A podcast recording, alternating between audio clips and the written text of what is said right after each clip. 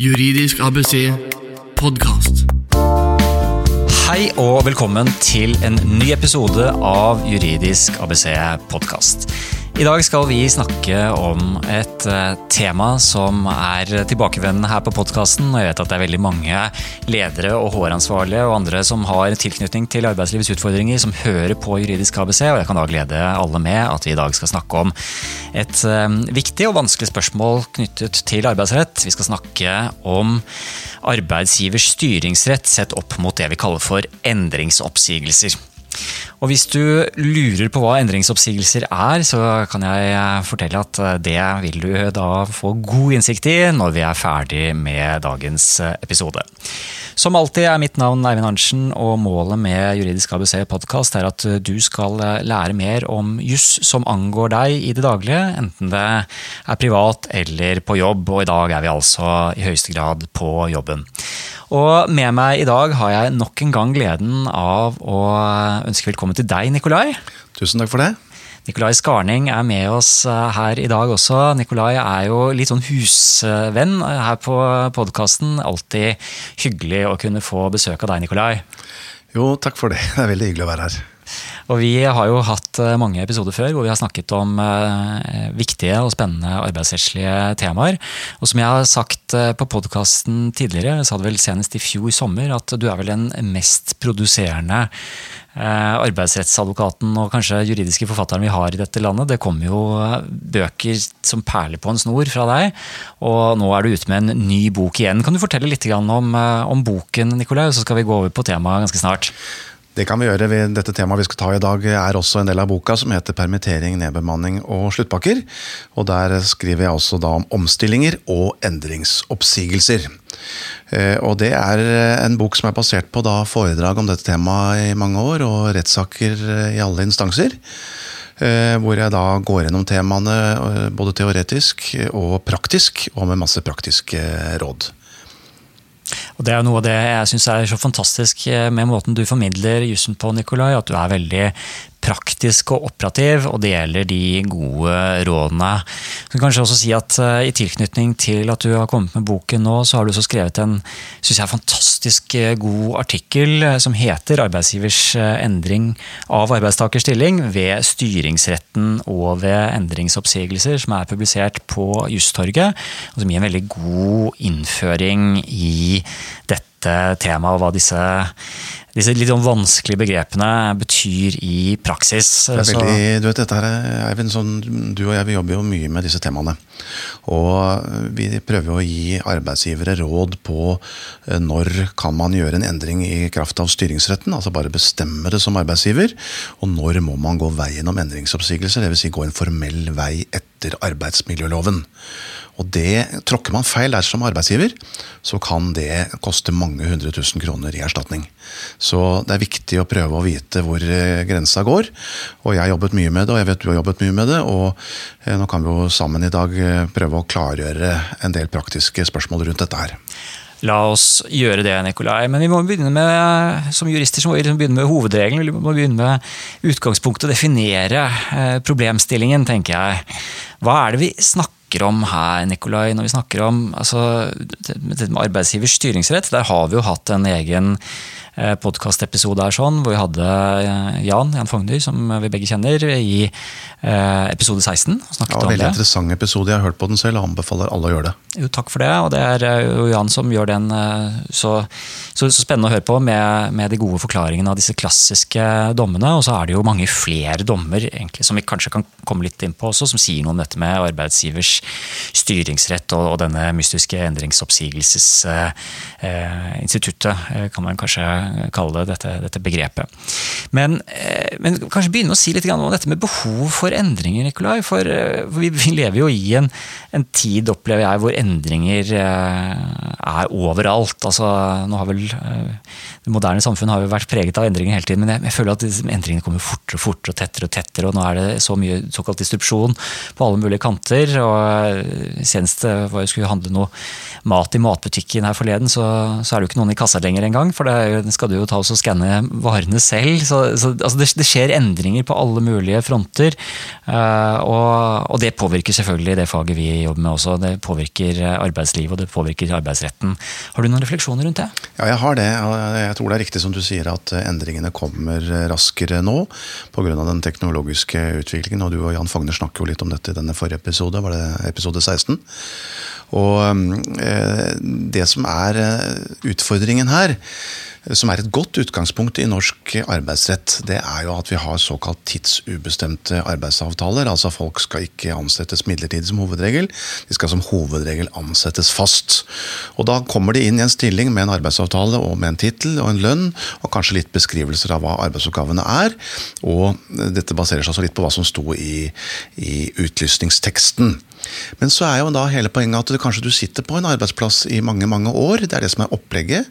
Er ikke, du er ikke ansatt midlertidig, du skal i utgangspunktet kunne være der hele livet. for å si det sånn. Og da skjer det jo endringer underveis. Bedriften går da i en annen eh, retning. Eh, og da er jo eh, det viktig at eh, man kan få til endringer, og at arbeidsgiver kan få arbeidstakeren med på endringer, selv om kanskje arbeidstakeren i utgangspunktet ikke ønsker det.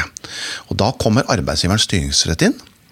Og da kan noen av disse endringene gjøres i kraft av styringsretten. Altså at man innfører nye dataprogrammer, man innfører nye måter å jobbe på.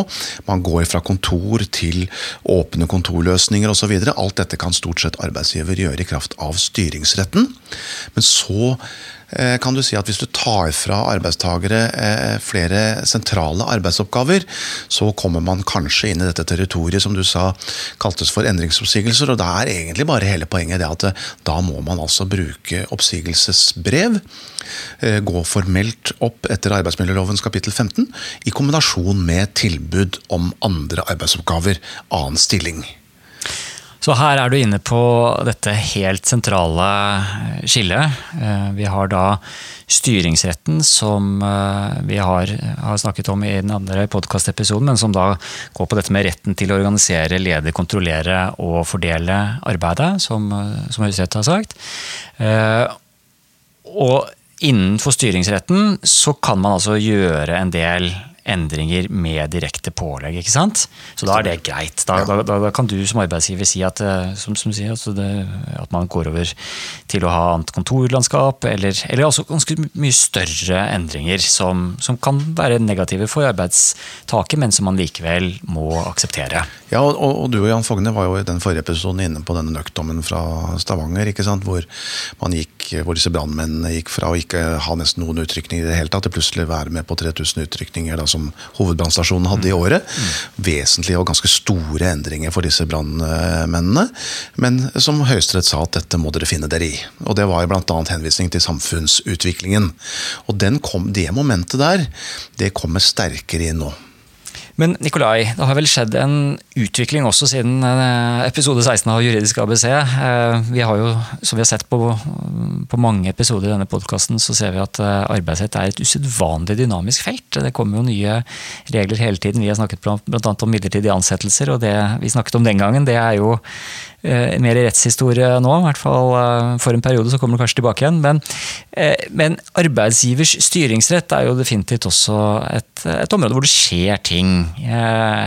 Kanskje ikke de radikale endringene, men, men det kommer nye avgjørelser til, som gir oss som advokater litt flere eksempler på hva som kan utgjøre spørsmål om grensedragninger da, innenfor eller utenfor arbeidsgivers styringsrett. Og jeg vet at eh, En av de tingene du har med i boken din, er jo eh, oppdatert rettspraksis og en veldig praktisk oversikt over dommer. Jeg må jo bare anbefale alle å, å skaffe seg denne boken for å få den, den, fulle oversikten over dommene på området. Men kan du da ta, si litt om den nye dommen som har kommet til på arbeidsgivers styringsrett etter at vi hadde podkasten episode 16? Det kan jeg gjøre, og det er jo denne senior- og politikkdommen fra, fra, en kommune, får jeg si, da, for å holde det litt anonymt. Her var det en kommune som hadde en seniorpolitikk hvor de, de da betalte 100 lønn for 80% arbeid for å ta vare på seniorene.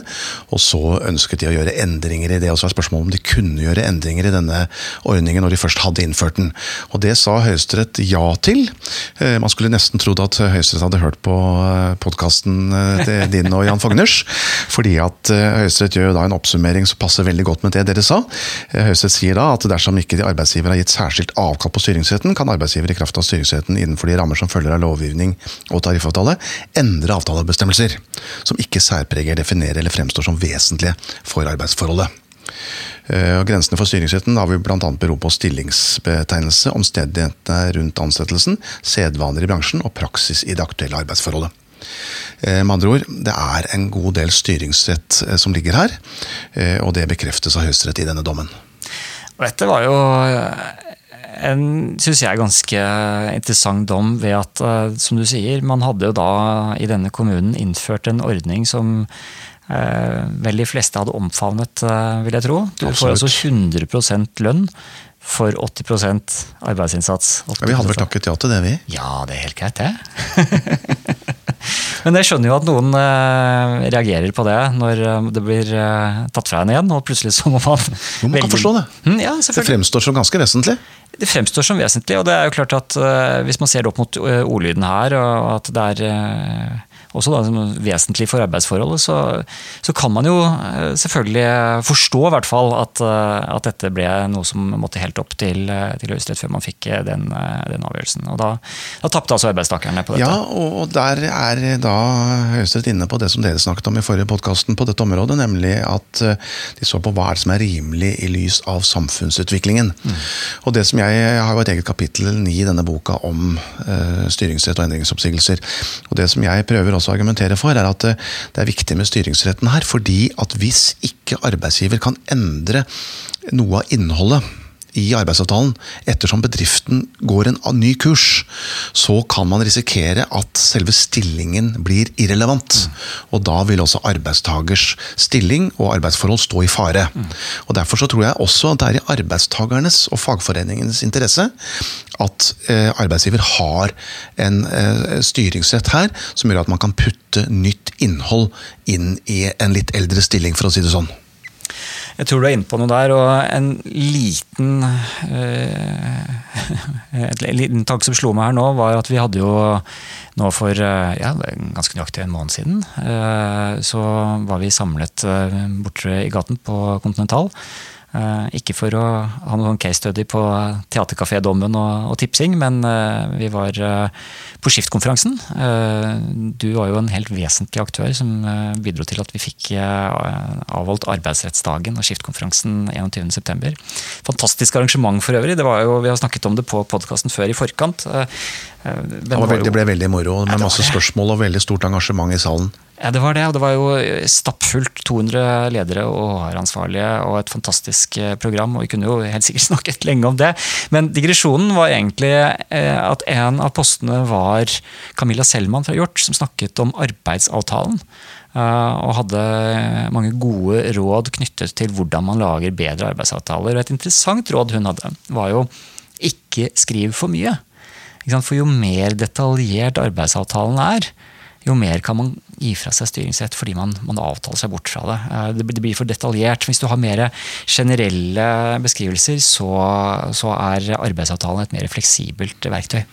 Det syns jeg var et veldig godt råd fra Camilla Selman. Og vi kan jo bare føye til der at eh, selv om det har vært litt omdiskutert hvor mye juridisk betydning det har, så mener jeg også at man må ha inn i arbeidsavtalen at eh, arbeidstaker må være forberedt på at endringer kan komme. Så er det noen som kritiserer en sånn passus og sier at ja, den er så standard at den har ingen betydning. Jeg er ikke så sikker på det i det praktiske liv.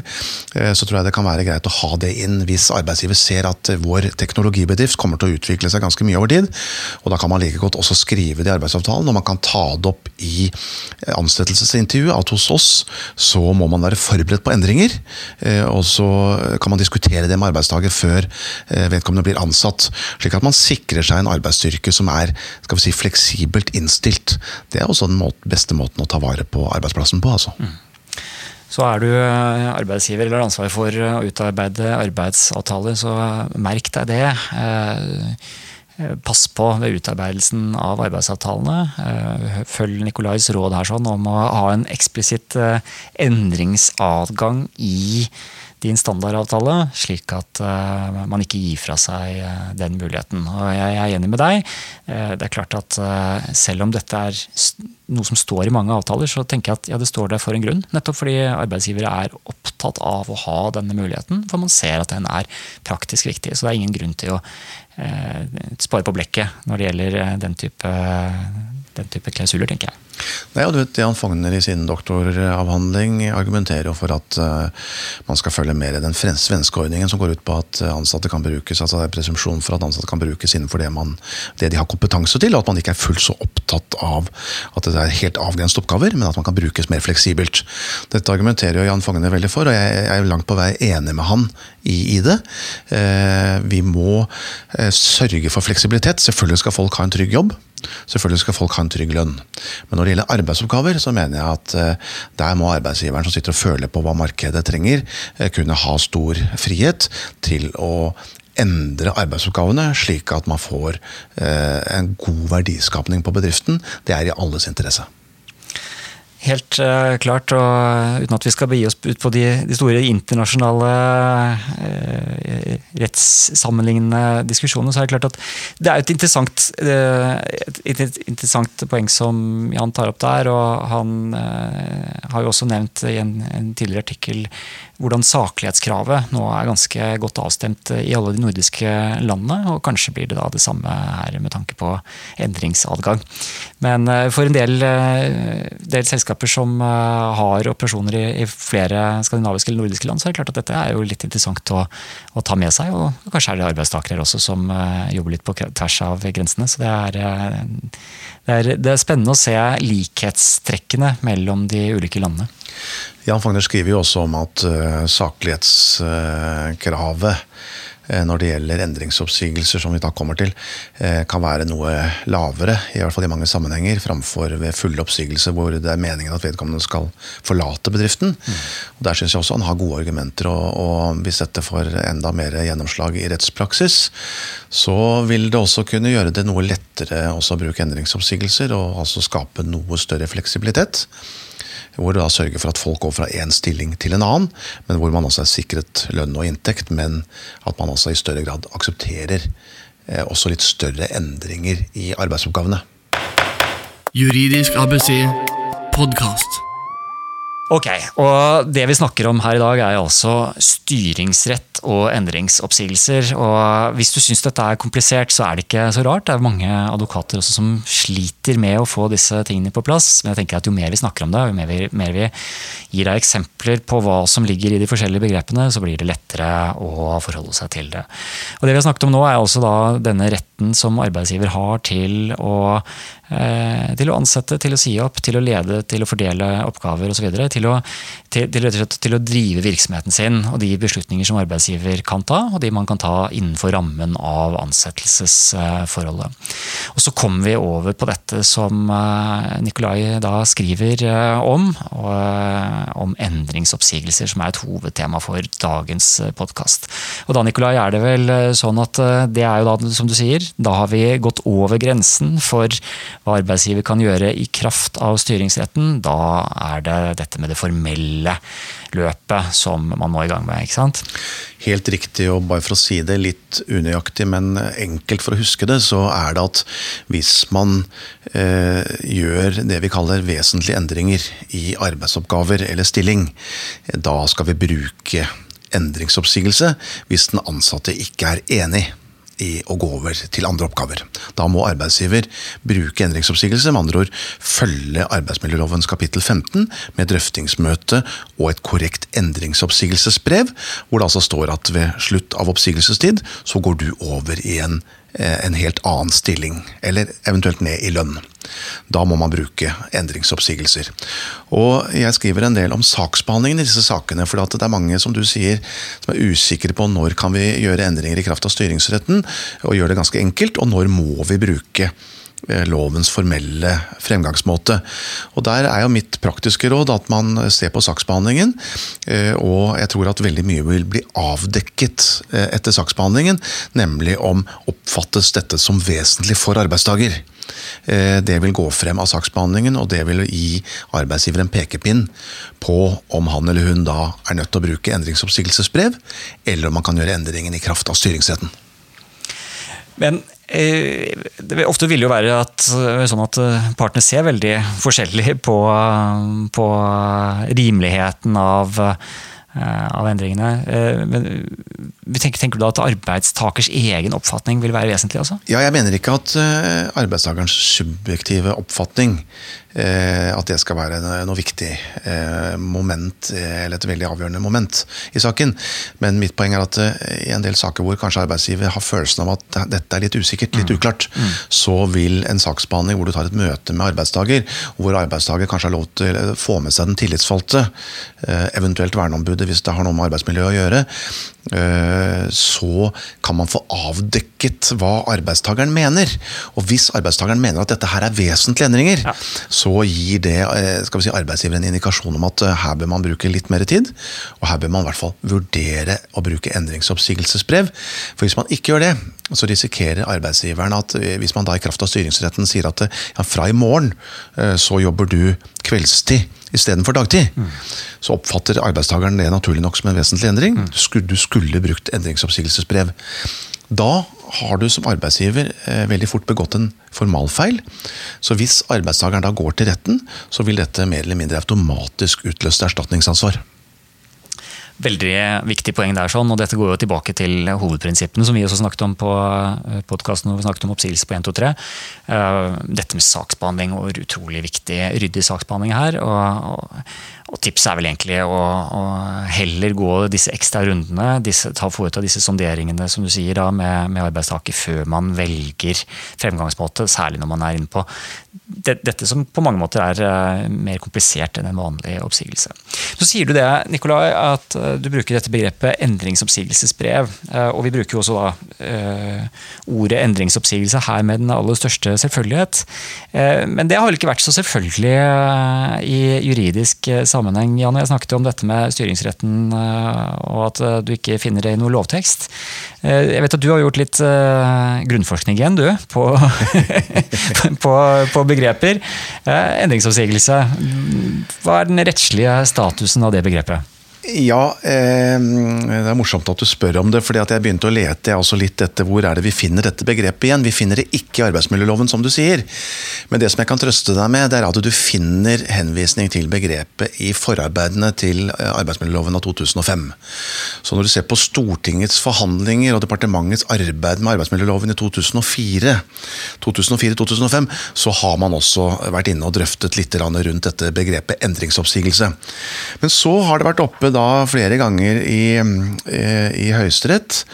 Eh, og litt bakover i tid så har jo da Høyesterett bare satt dette her, i, i anførselstegn. Eh, men i hvert fall i 2006, så vidt jeg kan se, så aksepterte Høyesterett å bruke dette begrepet uten å sette det i anførselstegn. Og Det betyr vel i praksis at man altså, det er et begrep som er avledet av ordet oppsigelse. Så er forskjellen det at hvis du får en full oppsigelse, så må du altså forlate bedriften når oppsigelsen er eh, gått ut. Oppsigelsestiden er gått ut. Mens ved en endringsoppsigelse så, så skal du altså gå over i en annen stilling når oppsigelsestiden er ute. Og Det betyr at en endringsoppsigelse er sånn sett mindre alvorlig, mindre inngripende for arbeidstaker enn en full oppsigelse.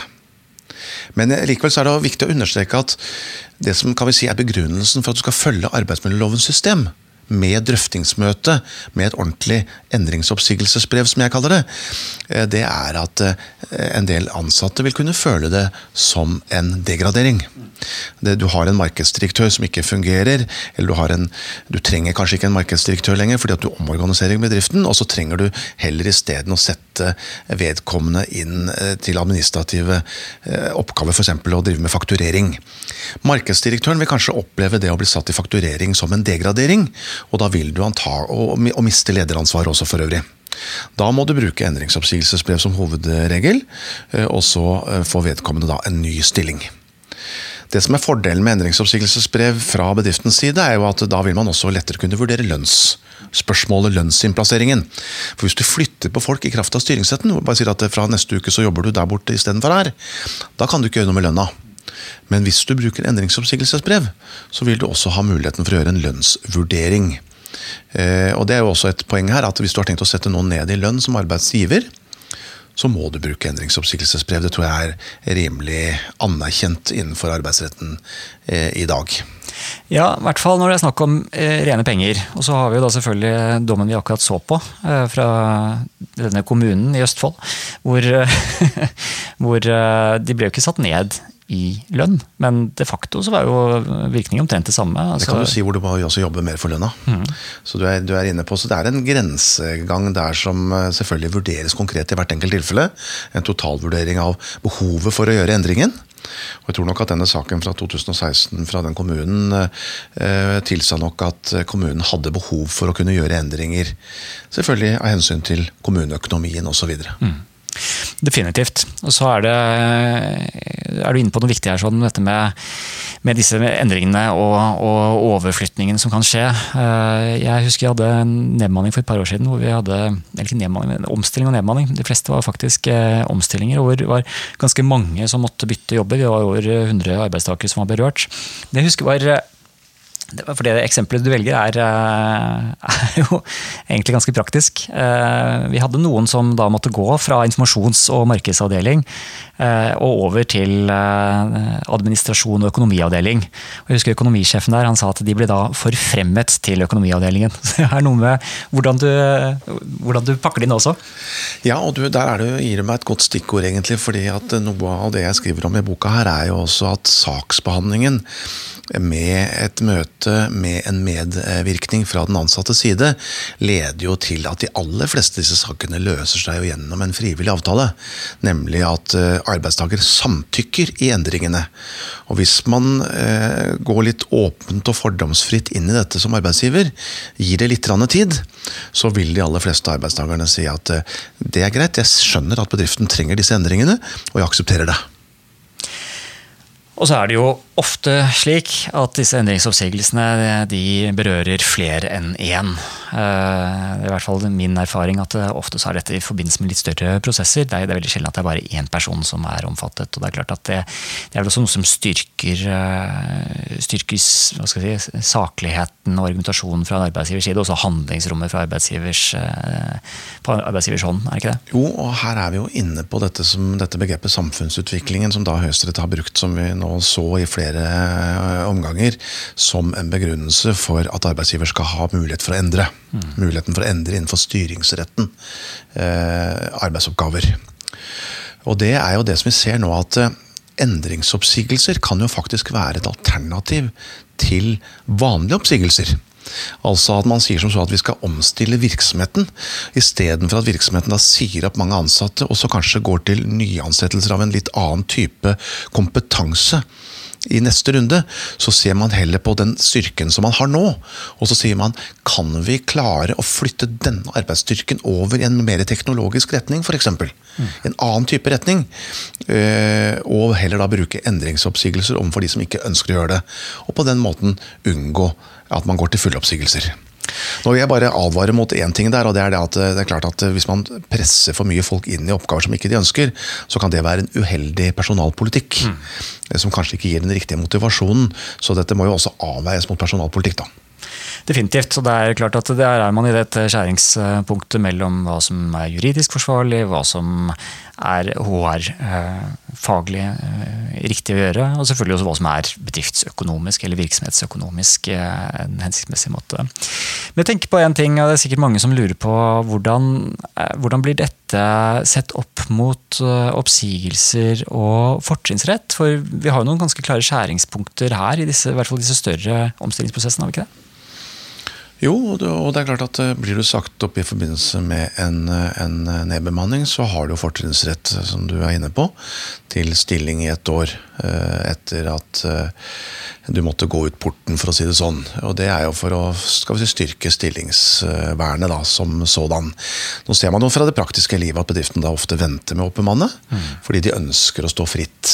slik at jeg tror nok at den fortrinnsretten fungerer mye dårligere for å være ærlig, enn det myndighetene har sett for seg. Eh, det å gripe inn i bedriftenes frie ansettelsesadgang, det, det, det er nok ikke alle bedriftene som kan akseptere, og så venter de heller med oppbemanning til et år er gått. Slik at de kan velge de de ønsker.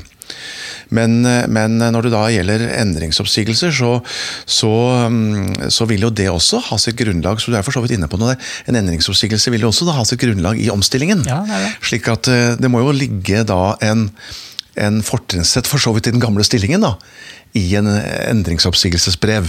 Det, har du nok, eh, det er vel det du er inne på? For jeg tenker i hvert fall det at eh, I en del av disse tilfellene så er det jo altså Virksomheten har behov for endringer.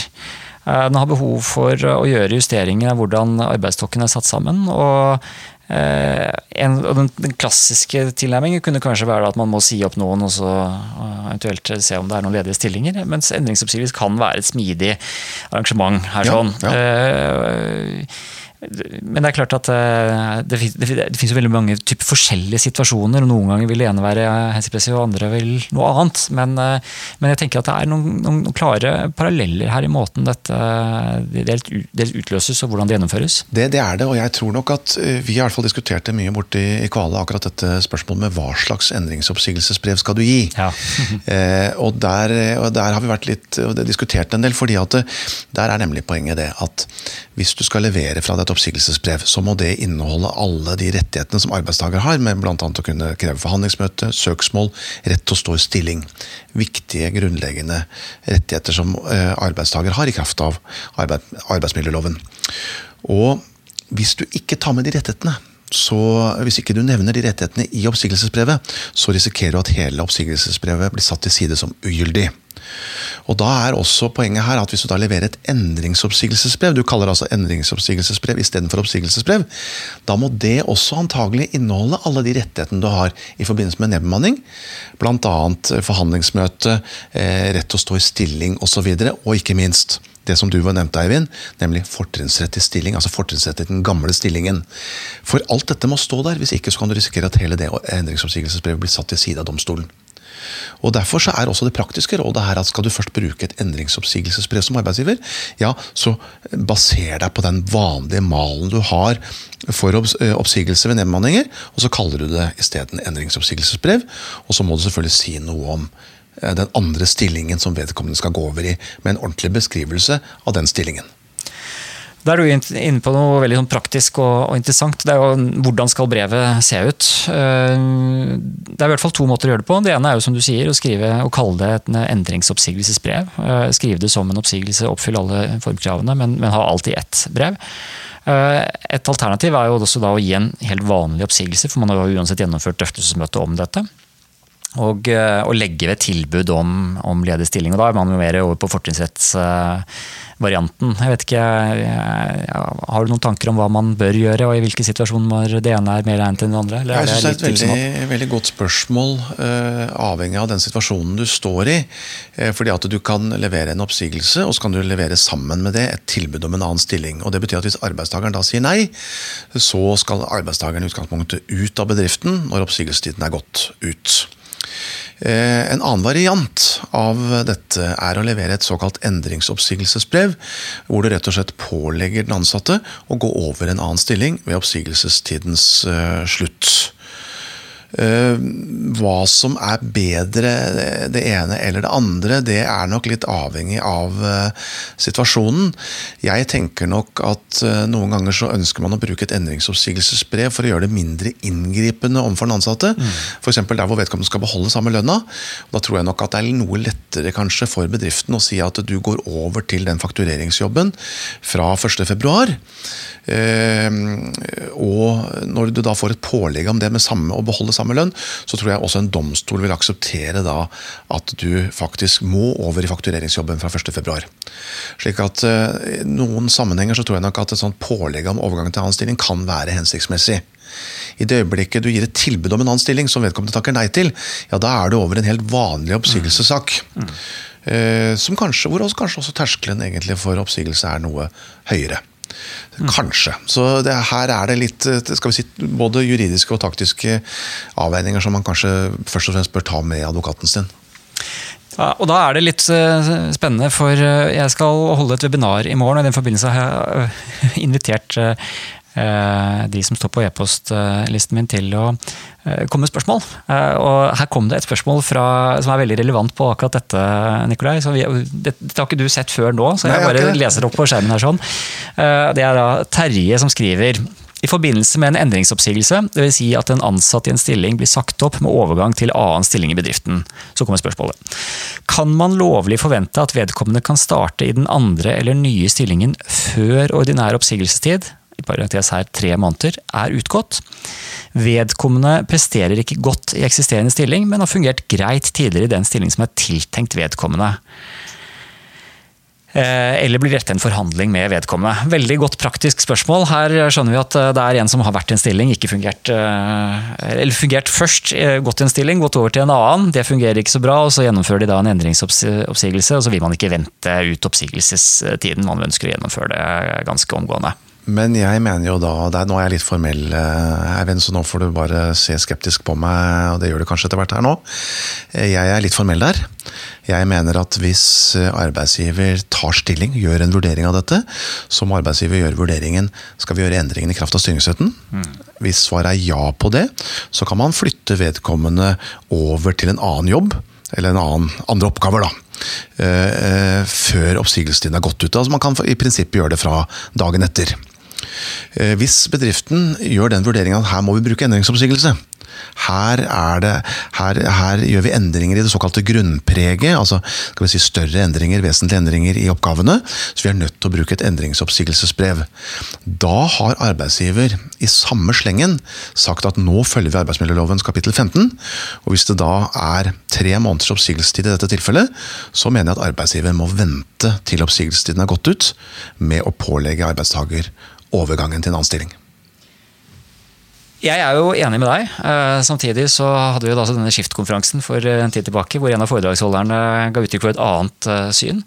Eh, Jeg har også hatt en sak med, med foredragsholderen hvor det var en diskusjon. Jeg skal ikke, skal ikke eh, si så veldig mye mer om det akkurat nå, annet enn- at dette er vel ikke rettslig avklart. eh, Men jeg er enig at det formelle utgangspunktet jeg føler jeg deg helt på. at Det, er helt, en helt naturlig slutning. Og så kan man argumentere fra arbeidsgivers side ved å si at ja, men her skal man gjennomføre dette, du får tilbud om en annen jobb. og Hvis ikke du aksepterer det, så, blir det jo, så bortfaller kanskje det tilbudet om endringsoppsigelse. Da blir det kanskje en vanlig oppsigelse, og så er det som du sier at da blir jo også fort terskelen høyere. Men her er det flere Det er flere varianter av dette, Eivind, men eh, du kan si, nå er vel kanskje jeg litt engstelig av naturen når det gjelder sånne ting, men det er klart at når det står i loven at det er tre måneders oppsigelsestid, og det står i det oppsigelsesbrevet ditt, som du da har fått, at det er tre måneders oppsigelsestid, og når arbeidsgiver da begynner å gjøre vesentlige endringer innenfor, eh, innenfor oppsigelsestiden, så tenker jeg at man må ha et særlig grunnlag for å gjøre det. Vi vet at eh, innenfor f.eks. bank og forsikring, så vet vi jo at man gjør ganske store endringer i forhold til eh, ansatte som sitter i særlige nøkkelposisjoner, hvor man altså fratar enkelte tilganger f.eks. Mm. til eh, datasystemer i oppsigelsestiden. Men det er da altså helt særskilte sikkerhetsmessige grunner til det. Men har man slike grunner, og i dette tilfellet som du snakker om det spørsmålet fra Terje her på skjermen, så er det jo det at hvis det er et arbeidsmiljøproblem f.eks., at vedkommende skader arbeidsmiljøet i oppsigelsestiden fordi at eh, vedkommende ikke gjør jobben sin, så kan man altså tenke seg at det foreligger sterke grunner til at man, eh, man nærmer seg et mer avskjedslignende grunnlag, og hvor arbeidsgiver kan gripe inn med sterkere lut. Men det skal altså særskilte grunner, grunner til. Ja, det er jo sånn det ofte er også, at det blir denne konkrete vurderingen. og Det får meg til å tenke på, det var jo en avgjørelse fra Borgarting for noen år siden hvor spørsmålet var eh, en arbeidstaker som var eh, i oppsigelsestid og ønsket å jobbe eh, i et finansforetak, men vedkommende også en, hadde en liten aksjepost der. sånn. Men der besluttet jo da lagmannsretten at vedkommende ikke fikk lov til å fortsette å utføre arbeidet sitt i oppsigelsestiden, til tross for at han da ønsket det. Eh, Og det var fordi det forelå slike spesielle hensyn. eh, Liten virksomhet, eh, forholdet til kunder etc. Man kan jo kanskje tro at det var kundene som var noe av grunnen til at vedkommende ville være i aktivitet også. Ja, det er akkurat det. Så Nei da, så Foreligger det særlige grunner, så, så kan det altså være en mulighet. Men kan jeg få lov å gi et praktisk råd der, Eivind? Hvis man tenker seg den løsningen da, som Terje her er inne på, da ville jeg jo tatt det opp i drøftingsmøtet.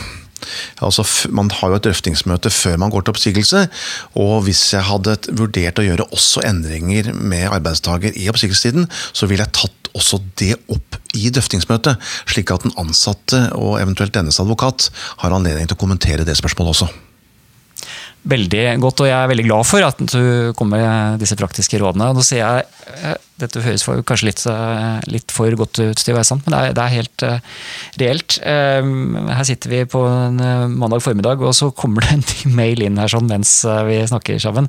Vi tar denne også. Jeg har ikke da avklart at jeg kan si navnet på vedkommende, men det er en kvinne som er uh, tydeligvis i en HR-stilling HR i et uh, større selskap her, ser jeg, og hun skriver Hei! I hvilken grad har arbeidsgiver styringsrett, skråstrek handlingsrom, til å endre stilling eller omplassere til stilling ansatte er kvalifisert til, skråstrek degradere ansatt om han ikke fungerer i stillingen han er ansatt til?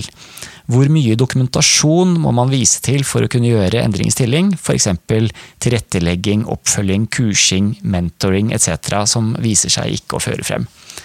Her, det er jo et veldig praktisk tema vi snakker om i dag, Nikolai. Det, det, det er det. Og øh, ja, dette blir jo noe av det som vi har snakket om øh, før. Eh, omplassering til annen stilling ligger jo i spørsmålet øh, at man går i retning av et krav om endringsoppsigelse, antagelig. Fordi det var vel også nevnt dette stikkordet degradering her. Mm. Og da er vi veldig raskt inne i det som jeg vil si er endringsoppsigelsesinstituttet. Eh, da bruke formelt drøftingsmøte eh, etter 15.1 i arbeidsmiljøloven, og så følge opp med en, en eh, oppsigelsesprosess etter 15.7. Eh, og da vil det være større krav til dokumentasjon i et sånt eh, tilfelle. Det at vedkommende ikke fungerer i stillingen, det er noe som arbeidsgiver må bevise. Det er arbeidsgiver som har bevisbyrden for det. Og da er det veldig stor forskjell på om vedkommende har vært der i 20 år, eller om det er en yngre person som har vært der i ett år. Eh, er det en som har vært der lenge og er oppe i alder, så forventes det at arbeidsgiver kan gi ganske grundig og god dokumentasjon. Både for at vedkommende har hatt anledning til å å forbedre seg. Altså vært klar over arbeidsgiverens forventninger, og i tillegg da fått muligheten for å forbedre seg etterpå, fått tid på seg til å områ seg osv. Og, eh, og da skal også vedkommende normalt ha et drøftingsmøte og en vanlig oppsigelsesprosess, som da vil bli bedømt ut fra arbeidsmiljølovens 15-7, altså om det forelå saklig grunn til å gjøre den endringen over til annen stilling. Men altså hvis vedkommende f.eks. beholder stort sett samme lønn osv., så, videre, så tror jeg at det kan gå veldig bra i mange tilfeller. Og Hvis jeg får lov til å kaste inn en brannfakkel på mandag formiddag, eh, Eivind, så har jo jeg i noen sammenhenger tatt til orde for at når vi nå fikk økte aldersgrenser i norsk arbeidsliv til 72 år, så mener jo jeg at det er en del folk som sitter i høyere stillinger, altså høyere direktørstillinger med høye lønninger, som må akseptere endringsoppsigelser til lavere stillinger mot slutten av sin karriere, hvis ikke de lenger fungerer godt i sine stillinger. For Det er et grunnleggende krav at du skal fylle stillingen, og en del folk som er oppe i 50-60-årene, de har høye stillinger, for de har gjort en solid innsats gjennom mange år. Så klarer de kanskje etter hvert ikke å henge med på det tempoet, og da mener jeg at det er riktigere at de da etter hvert går ned i lavere stillinger, men at de blir inkludert i arbeidslivet og at man ikke må gå til full oppsigelse, men kan altså isteden gå til endringsoppsigelse. Så jeg tar til orde for at endringsoppsigelser og terskelen for det må være noe lavere, men det er selvfølgelig alltid arbeidsgiver som skal bevise og dokumentere at det var behov for endringen. Jeg er helt enig med deg. og det, Du har vel også spissformulert uh, dette med hvordan vi som arbeidstakere ikke nødvendigvis yter vårt beste mot slutten. og det er ikke, Du har vel sagt noe sånt som at det er ikke alle arbeidstakere som eldes eh, like godt som en god årgangsvin. Uh, jeg mener i hvert fall husk at du er sitert på det i Finansavisen. Ja, man håper jo en selv at man kommer til å gjøre det, men det er jo ingen som har noen garantier for. Altså, vi kjenner jo folk som er som 80-åringer når de er i 50-årene, og vi kjenner 80-åringer som er som 50-åringer. slik at eldingen viser jo forskningen er veldig individuell, veldig forskjellig fra person til person. Jeg har bare sagt det at eh, det blir galt at folk sitter i høye, veldig ansvarsfulle stillinger hvis de ikke fyller disse stillingene. Mm. Det er et grunnleggende krav, og gjør de ikke det, eh, så mener jeg de må flyttes på. Og da mener jeg det er bedre at det, man foretar endringsomsigelse framfor at de må ut av bedriften. Og så er det jo da helt eh, på linje med Jon Fredrik Baksås, som uh, vi hadde gleden av å ha med oss på skift. Han sto ikke på programmet, men han vi hadde som en, en veldig hyggelig overraskelse så var han innleder og åpnet konferansen. Og Baksås snakket jo også om dette med sine erfaringer som konsernsjef i et av Norges største selskaper, et av de største selskapene på Oslo Børs, og hvordan han hadde sett mange flinke flinke folk i høye posisjoner, men som rett og slett hadde hatt godt av å kanskje gå eh, et hakk eh, til siden eller ned.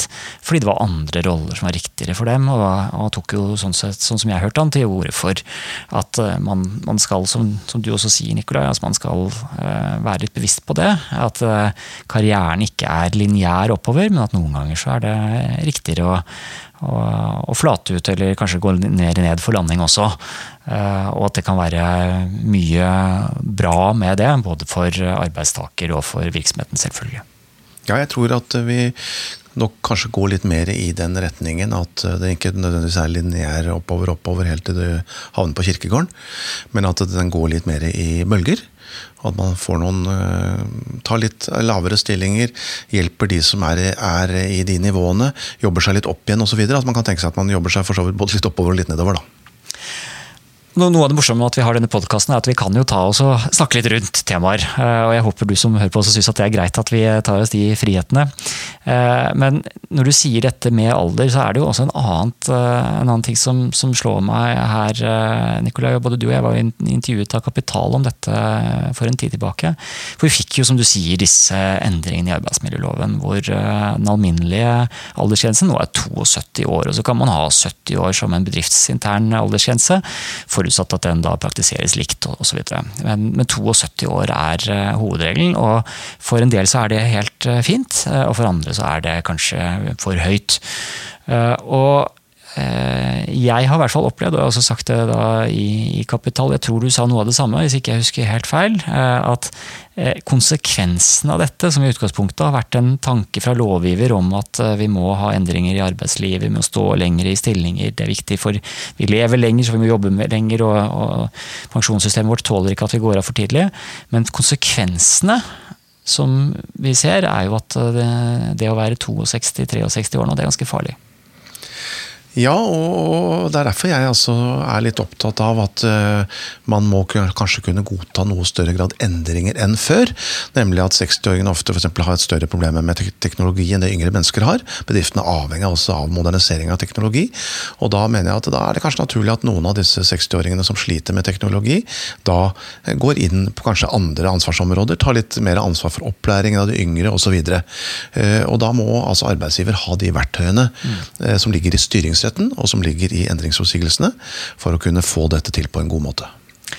Så det er litt en tanke eh, eh, i hvert fall et innspill fra meg også eh, for de som hører på som, som er begynt å komme i den alderen. Så ja, man har jo rettigheter, og ingen skal selvfølgelig ta fra noen det. Men realiteten er jo også det at det kan være hensiktsmessig å være litt åpen for disse endringene.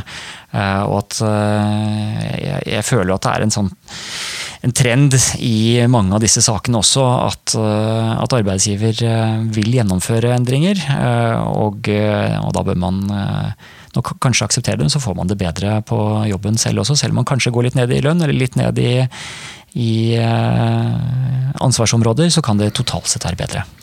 Det er jeg enig med deg i, og nå skal man ikke finne seg i alt mulig. og er derfor jeg skriver i boka at hvis det er rene degraderinger, så skal arbeidstaker ha rettigheter, og det er bra at arbeidstaker har rettigheter da til å følge arbeidsmiljølovens system med drøftingsmøte og eventuelt en søksmålsadgang. Det er, er, veldig bra.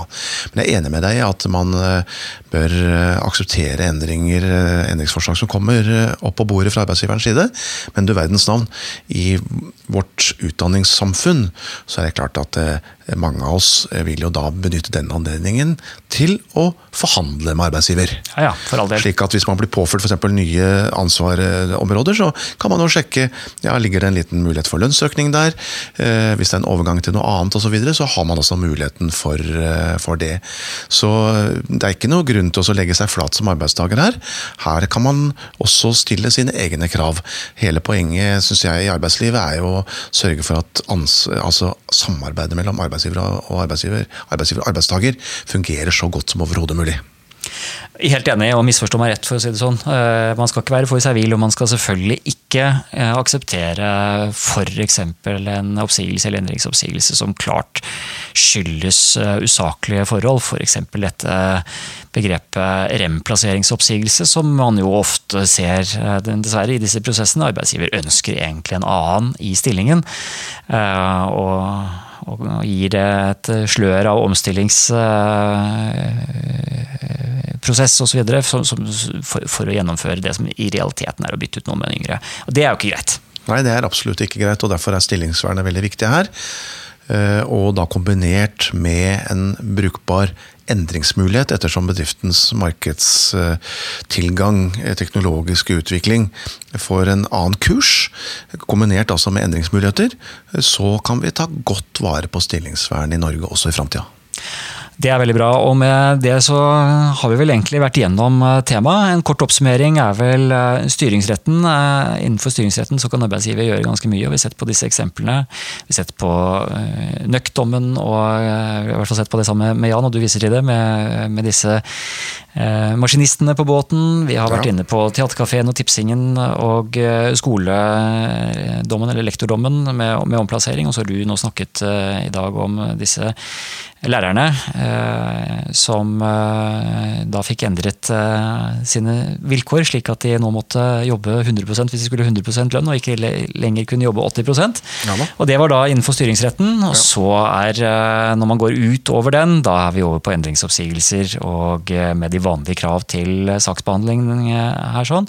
Og du gir det praktiske rådet om at det kanskje kan være greit å ta en liten sondering før man velger spor, så man vet om det er Man kan liksom se om det er, det, er det trøbbel i gjerdet? Altså, du og jeg syns det er moro å gå i Høyesterett, selvfølgelig, men det er ikke sikkert at alle arbeidsgiverne ønsker å, å, å, gå dit med alle de avgjørelsene som tas. Og Da har vel jeg tenkt Eivind, at uh, da er, kan det i noen sammenhenger være fornuftig å bruke endringsoppsigelsesbrev for å være på den formelle og trygge siden. Og Det tror jeg er et veldig godt råd. Eh, boken din handler jo om eh, mange andre temaer også. Eh, du skriver om nedbemanning, du skriver om permitteringer, du skriver om sluttpakker. Eh, kanskje er det flere temaer som vi kan eh, lage fremtidige podkaster om også, Nikolai? Ja, du vet at jeg tror enhver eh, nordmann og nordkvinne går og drømmer om de store, gylne sluttpakkene. Og det er vel grunnen til at jeg har et helt kapittel om det. Nemlig om hvem som får de store sluttpakkene og hvem som ikke får noen sluttpakker i det hele tatt. Og der er det vel det å si at det er veldig store variasjoner. Eh, og eh, noen eh, får de reneste lottogevinster, og andre blir avspist med smuler. Og mye er jo avhengig av forutsetningene for avtalen og hvor god du er til å forhandle. Og dette med å forhandle er jo også noe som er eh, viktig å ha med seg. Du, du snakker om det eh, her i forbindelse med endringsoppsigelser. Det kommer opp i forbindelse med sluttpakker. Også et tema som vi eh, har hatt om på podkasten, og som det kommer flere episoder om fremover. Men eh, med det så er vi gjennom eh, dagens eh, forsøk på å gi en oppklaring av endringsoppsigelsesbegrepet. Og Nikolai, som alltid så har du bidratt med praktiske råd og eksempler fra rettspraksis og klargjøring av hva som ligger i begrepet. Er det noen flere ting vi bør huske på helt på slutten her? sånn? Ja, rundt dette så er, så er, det som jeg sier, saksbehandlingen er det som avslører eh, veldig fort eh, hvilken vei man bør eh, gå. Eh, man skal ikke som arbeidsgiver være redd for å bruke verken eh, styringsretten eller endringsoppsigelser. Har man saklig grunn for å gjøre det man gjør, eh, så går dette stort sett bra. Det er veldig bra. Og uh, boken din den er eh, på vei ut i bokhandlene nå. Uh, du skal også ha en lansering. Det er vel nå rett rundt hjørnet, er det ikke det? Jo da, stemmer det. Borte hos oss i Kvale så skal vi ha en samling den 2. november klokken tre. Og Der går det an å melde seg på. Det er noen få plasser igjen der. Til marked.kvale.no. For de som ønsker å komme og få boken og få et foredrag. Der har Kurt A. Lier, presidenten i Norges Juristforbund, han, da, eh, han skal komme da og være opponent. Mm -hmm. Nettopp for å sette noen av de temaene du og jeg har diskutert her, litt på spissen.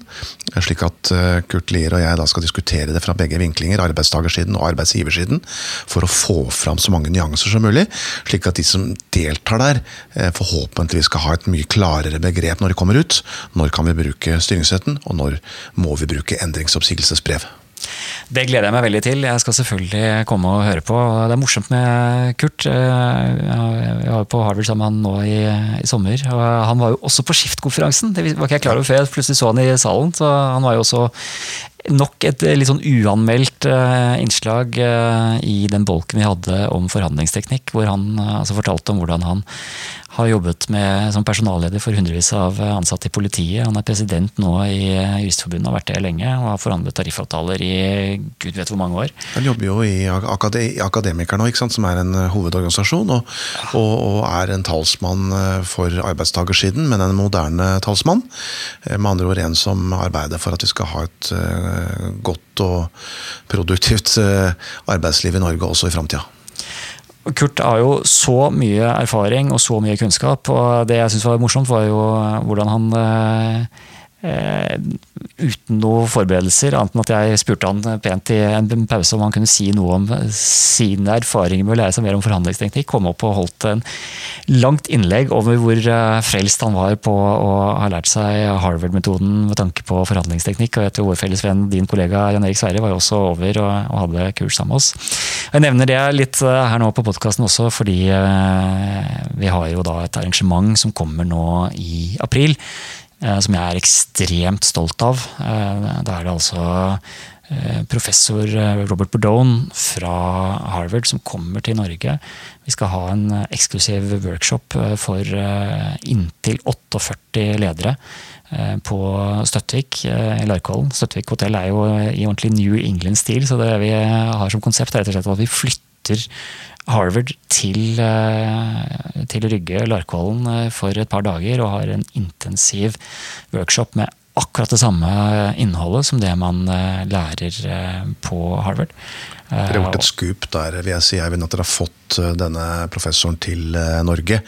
Min kollega Jan Erik Sverre han lærte også veldig mye på det kurset. og jeg tror man kan oppsummere det slik at eh, det man betaler for det kurset, det får man vel 100 ganger igjen i at man får bedre forhandling, enda bedre forhandlingsløsninger i en del sammenhenger. Så, så jeg har ikke vært på det kurset ennå, så jeg håper at jeg kan få være med på et eller annet tidspunkt. Men det får vi sette av tid til en annen gang.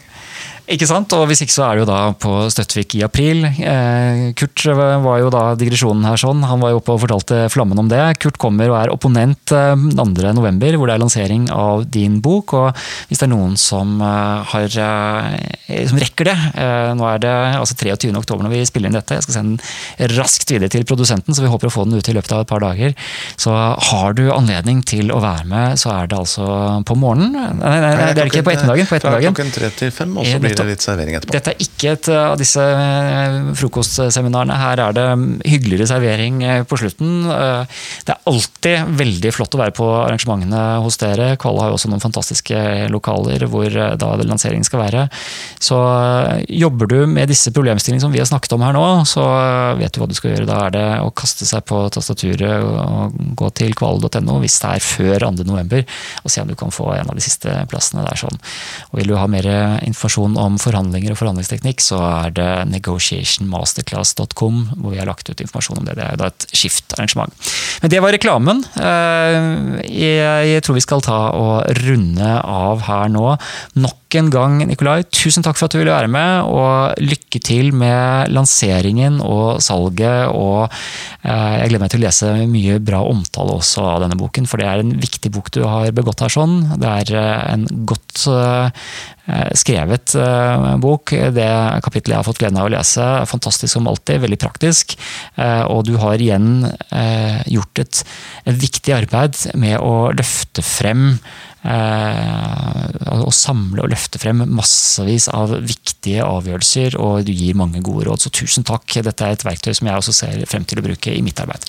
Takk for det. Lønnsomme bedrifter er det som er nøkkelpunktet i denne boka. Du hører Juridisk ABC podkast. Det var dagens podkast, og tusen takk for at du hørte på Juridisk ABC. Og tusen takk for at du er med meg nå her helt til slutt par praktiske opplysninger eh, her på slutten. Hvis du ikke allerede abonnerer på podkasten, så anbefaler jeg deg veldig sterkt å gjøre det. Og Grunnen til det er rett og slett at eh, det er litt uregelmessige utgivelser av denne podkasten. Da jeg begynte, hadde jeg egentlig en plan om å lage én i uken, og det viste seg å være helt fullstendig urealistisk. Det er veldig mye annet som skjer i en hektisk advokathverdag. Men jeg prøver å få tid innimellom, og lager eh, både podkaster og webinarer og skriver artikler og diverse andre ting. Og vil gjerne dele det med deg, men det er mye lettere for meg å nå ut til deg og til din telefon eller til din innboks hvis du for det første abonnerer på podkasten. Så trykk på abonnementsknappen hvis du ikke allerede har gjort det. Og når vi er inne på dette med å abonnere, så anbefaler jeg deg jo sterkt å abonnere på nyhetsbrevet mitt, hvis ikke du gjør det allerede. På Juridisk ABC så kan du eh, melde deg på, og da får du eh, tilgang på nyheter, oppdateringer. Jeg legger ut eh, da løpende det som er av spennende ting som jeg lager. Du får også mulighet til å få e-bok og gratis e-læringskurs i arbeidsrett, et lite minikurs som kommer via e-poster. Og jeg har stadig vekk rekke webinarer også om arbeidsrett. og Hvis ikke du har vært med på et av de webinarene ennå, så anbefaler jeg det sterkt. Veldig veldig, veldig mye av det jeg deler er gratis eh, informasjon, sånn som podkasten du akkurat hørte på nå. Så det er mye å hente av praktisk og gratis informasjon på juridiskabc.no, eller ved å være abonnent her. En liten ting som jeg ber om eh, i gjengjeld, hvis du har anledning til det, så hadde jeg satt veldig stor pris på om du la igjen en eh, liten anmeldelse av podkasten på iTunes. Veldig mange av dere som hører på, bruker jo Apple og Apple Podcast, som det vel heter nå, men jeg sier iTunes. Og der er det mulig å legge inn en liten eh, kommentar på hva du syns om podkasten, og gi det antall stjerner som du mener at eh, podkasten fortjener. Og jeg håper jo at eh, du er fornøyd og legger igjen det vi fortjener på, på iTunes. Det var det jeg hadde å si her i dag. Jeg har planer om flere episoder nå utover høsten. Hvis vi har litt eh, ideer som vi jobber med og eh, gjester som vi prøver å finne tid til å få snakket med, så det kommer mer eh, utover. Har du innspill til temaet, så må du selvfølgelig også gjerne sende meg det. Jeg leser alle mailer, selv om jeg ikke alltid klarer å svare, eller alltid klarer å svare så raskt, så send gjerne på post at juridiskabc.no. Med det så sier jeg igjen takk for at du var med. Ha en strålende dag. Vi snakkes. Du har hørt Juridisk ABC podkast. For mer informasjon om dagens tema, se juridiskabc.no. Her finner du flere podkaster og artikler innen arbeidsrett, eiendomsrett, familierett og temaer for deg som driver egen virksomhet. Meld deg på vårt nyhetsbrev på juridiskabuseet.no. Produsert av Øystein Weibel og Kanonlyd. Kaboom!